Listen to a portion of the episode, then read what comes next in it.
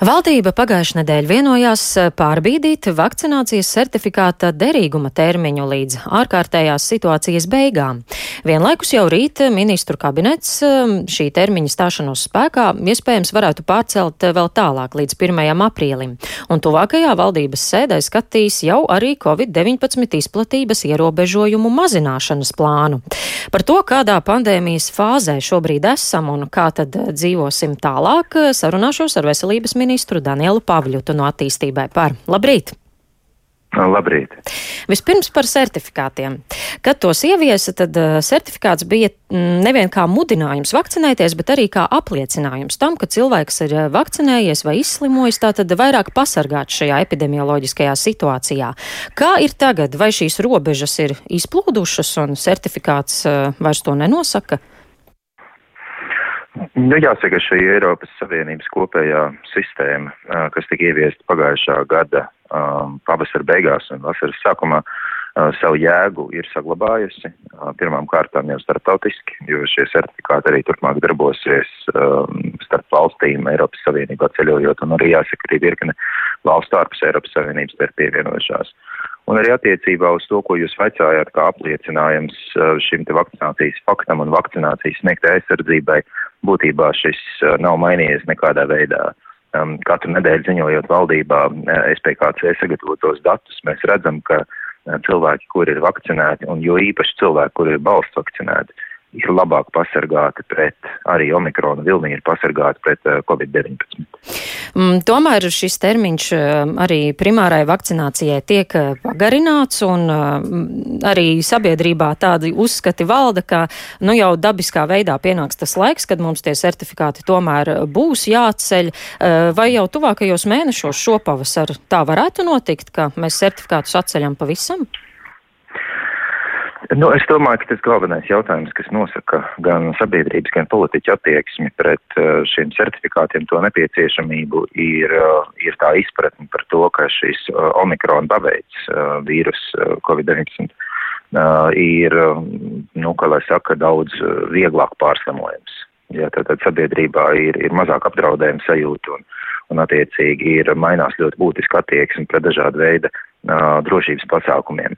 Arī attiecībā uz certifikātiem, acīm redzot, tas sāsina tās sabiedrības daļas, kas tur izjūt nērtības ar šo certifikātu izmantošanā, ja tad attiecīgi pieaug uh, spiediens tos atcelt. Mēs neesam unikāli. Arī citās valstīs ir, ir notiek līdzīgi procesi, arī ātrāk nekā pie mums, jo ir, ir virkni valstu, kur šobrīd uh, šis omikrona vilnis, nu tā augstākais punkts ir aiz muguras. Pie mums Latvijā omikrona vilnis vēl nav aiz muguras, mums augstākais vilnis visticamāk ir šobrīd, šonadēļ, un, un mums šis samazinājums būs tikai februāra beigās. Bet ņemot vērā, ka tāds, tāds prognozes mums ir, ka šis omikrona vilnis drīz noplaks, Veselības ministrija sagatavoja priekšlikumu kopumu, tātad trīs soļu, trīs pakāpju plānu, kurš paredz diezgan lieliem soļiem samazināt šos drošības pasākums un, un atvieglot dzīvi. Attiecībā uz certifikātu derīgumu termiņiem. Tos mēs patiesībā ieviesām tikai janvārī, tika pieņemts valdībā lēmums. Galvenais iemesls bija šis te ārkārtīgi strauji kāpjošais omikrona vilnis un nepieciešamība cilvēks pasargāt. Ja mēs zinām, ka primārā vakcinācija pēc zinām laika sāk zaudēt savu efektivitāti, un mums bija nepieciešams mehānisms, kā mudināt um, Latvijas iedzīvotājus raitāk balsts vakcinēties, jo ir ļoti daudz pierādījumu, ka balsts vakcinācija ir ļoti efektīva arī pret omikronu. Bet kā ir šobrīd Līdz ar šiem ko, centieniem uh, mudināt vakcinēties? Jā, jā.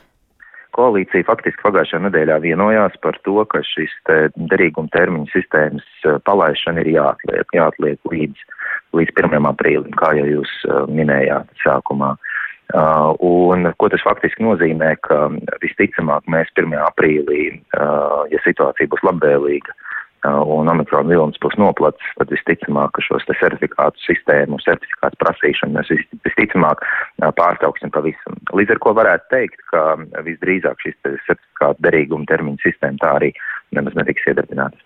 Un ko tas nozīmē tiem, kas, eh, piemēram, pagājušā gada rudenī negribēja vakcinēties, nolēma to nedarīt un zaudēja darbu, tad kas varētu notikt ar šiem cilvēkiem? Viņi varēs pieprasīt, lai viņus ņem atpakaļ darbā. Kā šo jautājumu varēs risināt? Nu, tajā brīdī, kad uh, normatīvi akti tiks grozīti un, un certifikātu uzrādīšana vairs nebūs nepieciešama darba pienākumu veikšanai, tad, protams, ka cilvēki varēs atgriezties darbā.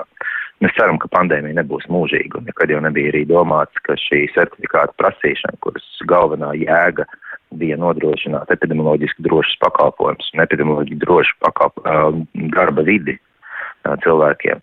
Nebija jau paredzēts, ka šīs kļūs par kaut kādu mūžīgu, teiksim, šķērslu cilvēkiem pildīt darba pienākumus. Bet tomēr mums aizvien vēl ir diezgan daudz senioru, kas nav pat vēl sākuši primāro vakcināciju. Kur tad šajā situācijā paliks šie centieni šos seniorus savakcinēt? Šis nav saistīts ar certifikātiem, jo jāsaka, tieši senioru auditorija ir bijis tā, kurā šī te, nu, certifikātu prasīšanas sistēma ir acīm redzot darbojasies mazāk. Acīm redzot, ir daļa cilvēku, kuriem, nu, kā lai saka, nec darba attiecības, nec lielveikalu vai pakalpojumu saņemšana ar certifikātu nav bijis pietiekams stimuls, lai, lai šo primāro vakcināciju veiktu.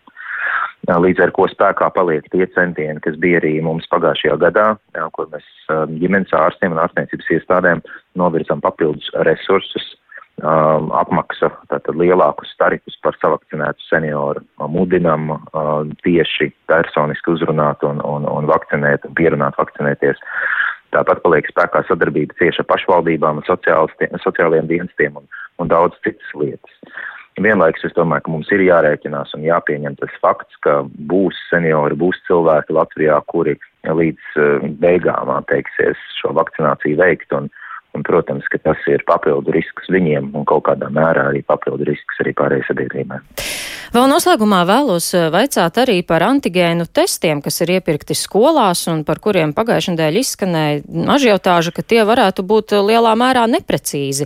Pēc uh, Vācijas datiem šiem testiem esot 0% efektivitāte un tie izņemti no pārdošanas, bet mums veselības ministrija iepirkusi tieši šādus testus. Tie ir arī valsts pārvaldes iestādēs un skolās. Kādēļ tā? Vai nav mm, plāns mainīt šos testus? Nu, jāsaka, vārds ažiotāžu laikam ir absolūti precīzs.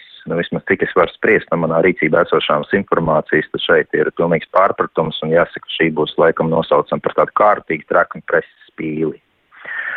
Visi testi, kas Latvijā tiek iepērkti, tos gan neiepērk veselības ministrija, precizējuši tos iepērk uh, valits, uh, valsts aizsardzības loģistikas un iepirkuma centrs, visas valsts pārvaldes, visas skolu vajadzībām. Mums nav tādas kapacitātes, lai daudzos miljonos iepirktu testus un, un, un citas lietas priekš visas valsts vajadzībām. Bet nu, šie konkrētie testi ir izgājuši tā dēvēto CE certifikāciju, tie atbilst tām jutīguma un, un efektivitātes prasībām, kādi ir noteikti.